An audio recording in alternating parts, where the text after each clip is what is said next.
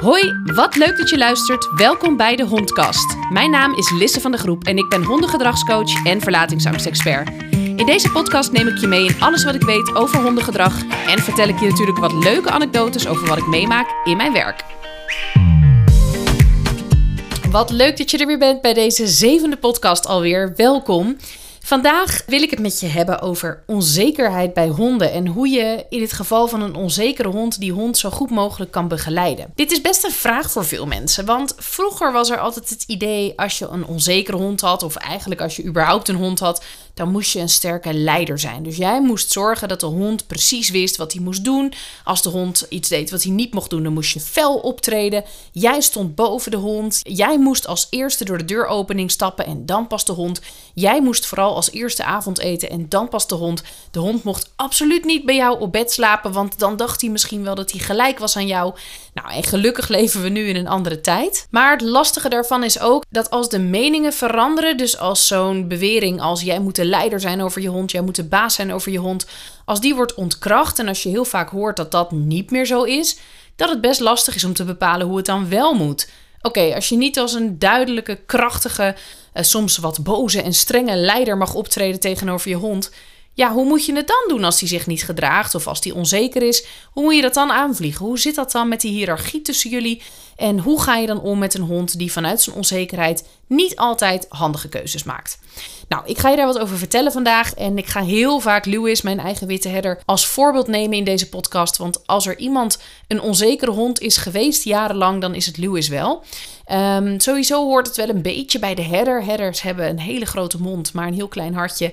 Um, herders zijn van nature best onzeker. Ik vind het ook niet altijd de honden die het beste in staat zijn om zelfstandig hele verstandige keuzes te maken. Ik merkte in het begin, toen ik Lewis nog niet zo lang had, ook wel dat als ik hem zelf keuzes liet maken, bijvoorbeeld in hoe hij een andere hond benaderde of in hoe hij omging met uh, als de deurbel ging bijvoorbeeld, dat hij niet altijd de keuzes maakte vanuit zelfvertrouwen, maar vooral vanuit heel veel onzekerheid en dat hij heel veel behoefte had aan ja, mijn begeleiding daarin. Nou, en herders zijn er natuurlijk niet de enige honden in. Er zijn heel veel rassen die ja, van nature wat onzekerder zijn, toch wat meer behoefte hebben aan begeleiding vanuit de mens die bij hen hoort. Er zijn ook rassen die wat zelfverzekerder zijn. Hè? Bijvoorbeeld, en nu scheer ik het even over een kam, hè, jongens. Dus als ik nu een ras noem waarvan jij denkt, ja, dat ras heb ik in huis. En nou, dat is helemaal niet waar wat je zegt.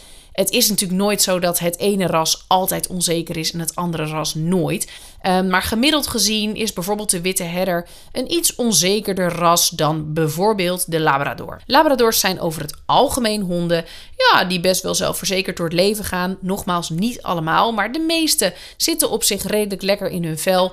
Uh, durven vanuit die zelfverzekerdheid ook vrij zelfstandig te zijn. En gemiddeld gezien zie je bij de witte herder dan dat dat wat minder is. Dat die van nature wat onzekerder zijn en wat meer behoefte hebben aan duidelijke sturing. Nou, en even los van dat ras want daar hoeven we het vandaag eigenlijk helemaal niet over te hebben. Het doet er eigenlijk helemaal niet zoveel toe welke rassen uh, zogenaamd wel en, en niet onzeker zijn. Want nogmaals, dat kun je niet zo over één kam scheren. De vraag is vooral, als je dan zo'n onzekere hond hebt, hoe vlieg je dat dan aan? Hoe ga je daarmee om in al die verschillende situaties die je tegenkomt met je hond in het leven?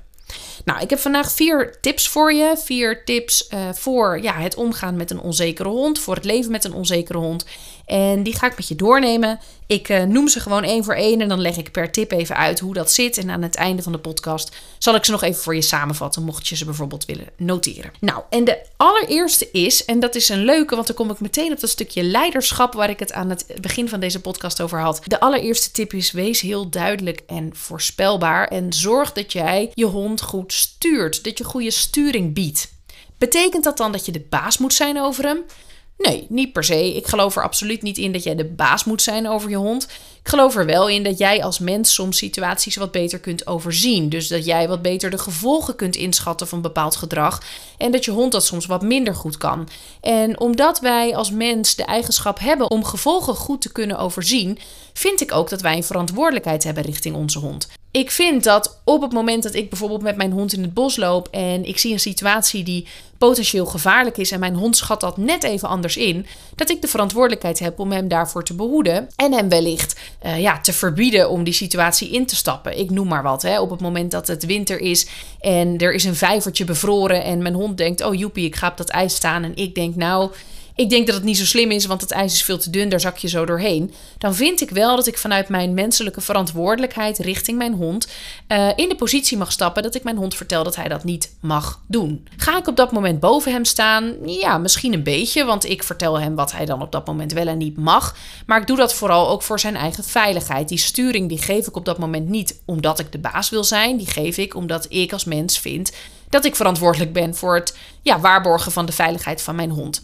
Dus als je mij in deze podcast dingen hoort zeggen als uh, dat jij je hond moet sturen, dat je je hond moet begeleiden, uh, dat je hem soms ook moet vertellen wat hij wel en niet mag doen, dan zeg ik dat niet vanuit een bepaald hiërarchisch idee dat jij boven je hond staat, dat je de baas bent, dat je hond ondergeschikt is. Daar gaat het helemaal niet over. Het gaat erover dat je als mensen verantwoordelijkheid hebt, vind ik. En dat je die ook moet pakken. Nou, en wat bedoel ik dan met wees duidelijk en voorspelbaar? Wat bedoel ik dan met geef sturing aan je hond? Daarmee bedoel ik dat het voor een onzekere hond super belangrijk is om te weten wat jij van hem verwacht. Een voorbeeldje. Op het moment dat bij ons thuis de deurbel gaat, dan vindt mijn witte herder Louis dat soms best wel lastig. Inmiddels heb ik hem op het punt dat hij blaft, dat hij vervolgens weet dat hij naar zijn bench moet. Dan gaat hij naar zijn bench, daar mag hij nog 1, 2, 3 keer blaffen en daarna moet het wel klaar zijn. Dat is het riedeltje wat wij samen hebben ontwikkeld. Dat is wat ik van hem verwacht op dat moment. Op het moment dat de deurbel gaat en ik roep alleen maar nee op het moment dat Lewis heel hard gaat blaffen, dan benoem ik alleen maar het ongewenste gedrag. Ik benoem dan dus alleen maar wat hij niet mag doen. Nee, je mag niet blaffen. Vervolgens vertel ik Lewis dan niet wat hij wel moet doen. En dat betekent dat ik eigenlijk van Lewis vraag dat op het moment dat ik zeg nee, je mag niet blaffen, dat hij uit zichzelf gaat bedenken wat hij dan wel moet doen.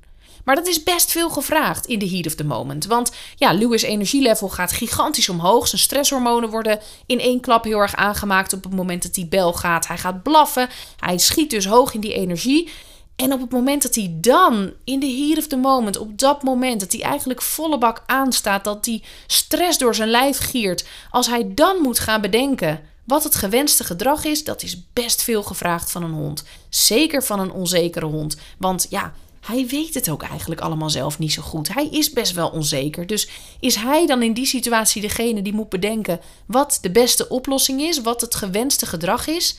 Nee, dat kan ik eigenlijk helemaal niet van hem vragen. Hij is daar op dat moment niet toe in staat. Een onzekere hond vindt dat lastig. En die vindt het prettig dat jij benoemt wat wel het gewenste gedrag is. Om even tot de kern te komen, het gaat er dus over dat jij op het moment dat die deurbel gaat, niet alleen benoemt wat je hond niet mag doen. Nee, je mag niet blaffen bijvoorbeeld. Maar dat je ook heel duidelijk benoemt wat hij wel moet doen. Je moet naar je bench. Je moet op je plek gaan liggen. Ik wil dat je je speeltje pakt. Wat het dan ook is, maar benoem het gewenste gedrag. Want als jij het gewenste gedrag benoemt, hoeft je hond het niet te bedenken. Dat scheelt je hond een hoop denkwerk en een hoop onzekerheid. Want als hij zelf moet bedenken wat het gewenste gedrag is, kan hij daar ook heel onzeker van worden. Want hij weet het eigenlijk ook niet zo goed. Dus met duidelijke sturing bedoel ik dat je heel duidelijk het ongewenste gedrag benoemt Nee, ik wil niet dat je blaft, maar daartegenover ook heel duidelijk het gewenste gedrag benoemt. Ik wil dat je wel dit of dit of dit gaat doen.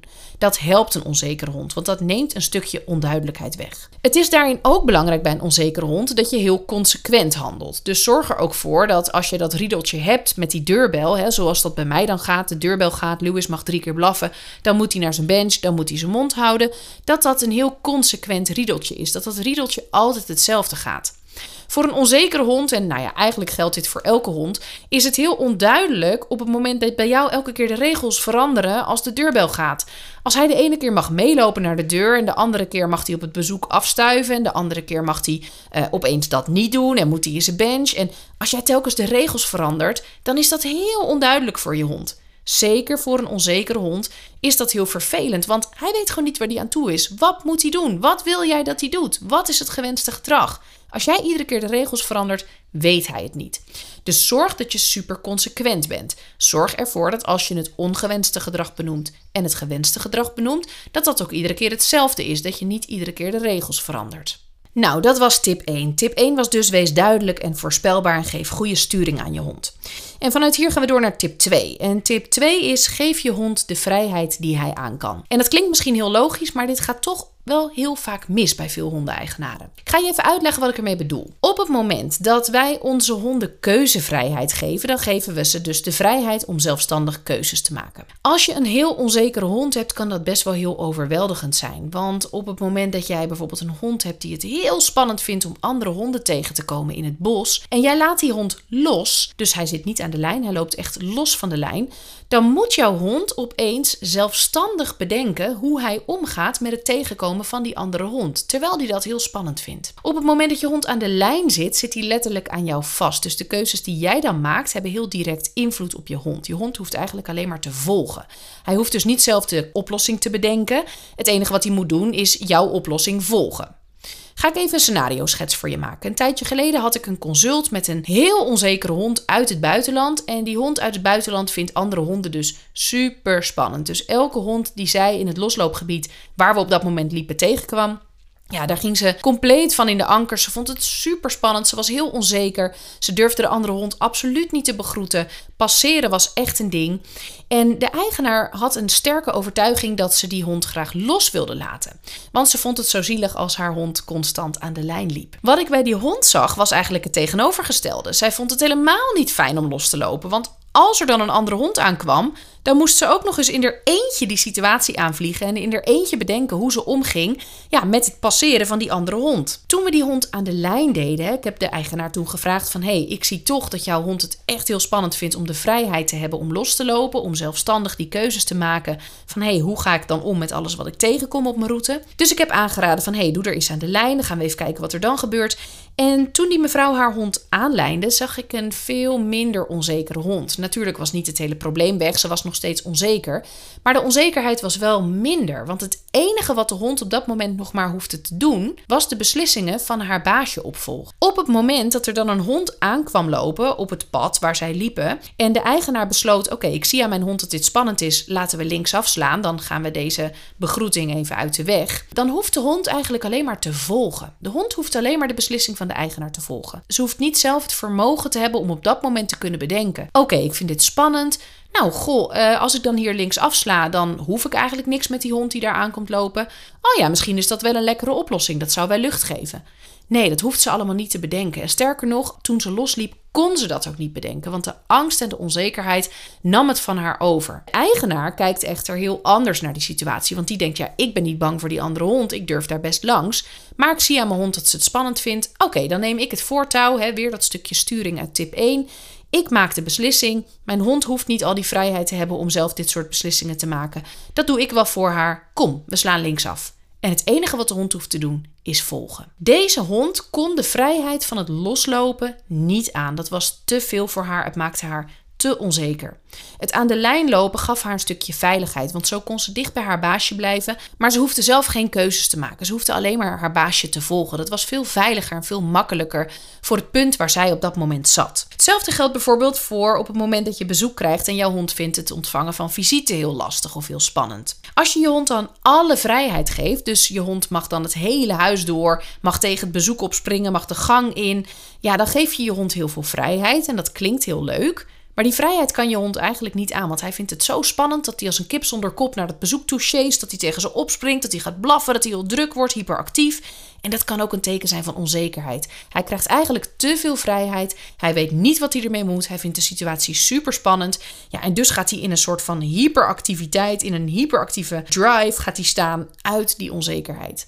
Ook zo'n hond zou het juist heel lekker vinden om wat minder vrijheid te krijgen. Om wat meer afgeschermd te zijn. Om wat beperkter te zitten in zijn ruimte. Want des te minder ruimte deze hond dan op dat moment krijgt, des te minder hij hoeft na te denken over wat hij met die ruimte moet. Je moet het zo zien op het moment dat een hond bezoek heel spannend vindt en jij zet hem even in de bijkeuken met een traphekje ervoor, hoeft hij niet na te denken over Ga ik naar dat bezoek toe en als ik dat dan doe, vind ik dat dan spannend en hoe zouden ze reageren? En oh, dan ga ik vanuit die spanning maar tegen ze opspringen. Nee, dat hoeft allemaal niet, want die hond zit achter dat hekje, hij kan er niet naartoe.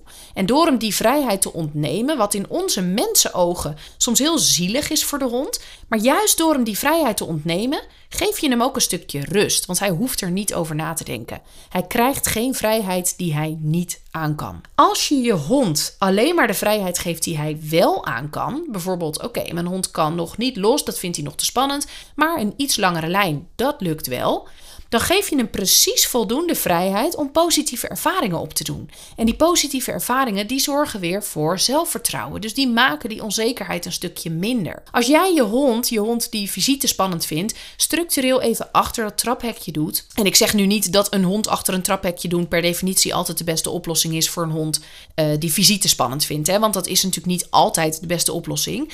Maar dit is even een voorbeeld. Voor sommige honden werkt het lekker. Als jij je hond dus eigenlijk altijd de vrijheid ontneemt om bij de visite te mogen. En je zet jouw onzekere hond even in de bijkeuken met dat traphekje ervoor, zodat hij nog wel door het traphekje heen kan zien wat er in de woonkamer gebeurt, maar hij er niks mee hoeft, dan leert hij vanzelf: hé, hey, als er visite komt, zo spannend is dat eigenlijk niet, want ze komen niet naar mij toe, want ik zit veilig achter mijn traphekje. Ik hoef er ook niks mee, want ik zit veilig achter mijn traphekje. En ja, ik kan lekker gaan slapen, want ik hoef helemaal niks met die visite. Eigenlijk is het best veilig om visite te ontvangen. Dus vanuit het stukje ja, inperken van de vrijheid van je hond geef je hem eigenlijk ook een stukje zelfvertrouwen terug. Want hij kan vanuit die inperking van zijn vrijheid gaan ervaren dat de situatie oké is. Je overwelmt hem niet met vrijheid die hij niet aan kan. Dus dat is tip 2. Geef je hond de vrijheid die hij aan kan en durf die vrijheid dus ook een beetje in te perken als je merkt dat het te veel is. Tip 3. En tip 3 is echt een hele leuke. Ehm, ga iets doen met je hond waar die goed in is. Ga iets doen met de talenten van je hond.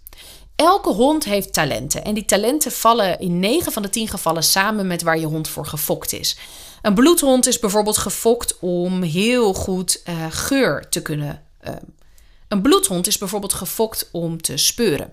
Alle honden hebben een goede neus, maar de bloedhond heeft echt de masterneus. Die neus is super goed ontwikkeld. Bloedhonden zijn ongelooflijk goed in speuren. En als je dan een bloedhond hebt en je weet, hé, hey, die hond die is gefokt om te werken met zijn neus, dan is het heel waarschijnlijk dat jouw bloedhond ook dat talent heeft. Dat hij het talent heeft om ongelooflijk goed te kunnen speuren, te kunnen ruiken, om dingen op te kunnen sporen. En het is eigenlijk net als bij mensen, als je iets gaat doen waar je goed in bent, dan is dat goed voor je zelfvertrouwen. Om je een voorbeeld te geven, ik heb een zoontje van uh, zes en um, hij zit op twee sporten, dat wil hij zelf heel graag. Hij zit sowieso op zwemmen om zijn A-diploma te halen en hij zit op voetbal. En mijn zoontje is best wel goed met de zwemlessen. Hij kan de opdrachten die hij krijgt goed bijbenen. Hij doet het goed, hij vindt het leuk, maar het is misschien ook wel zijn talent. Hij pakt het heel goed op en hij is echt goed in staat om de, de oefeningen die hij krijgt van zijn zwemmeester, om die om te zetten in de praktijk.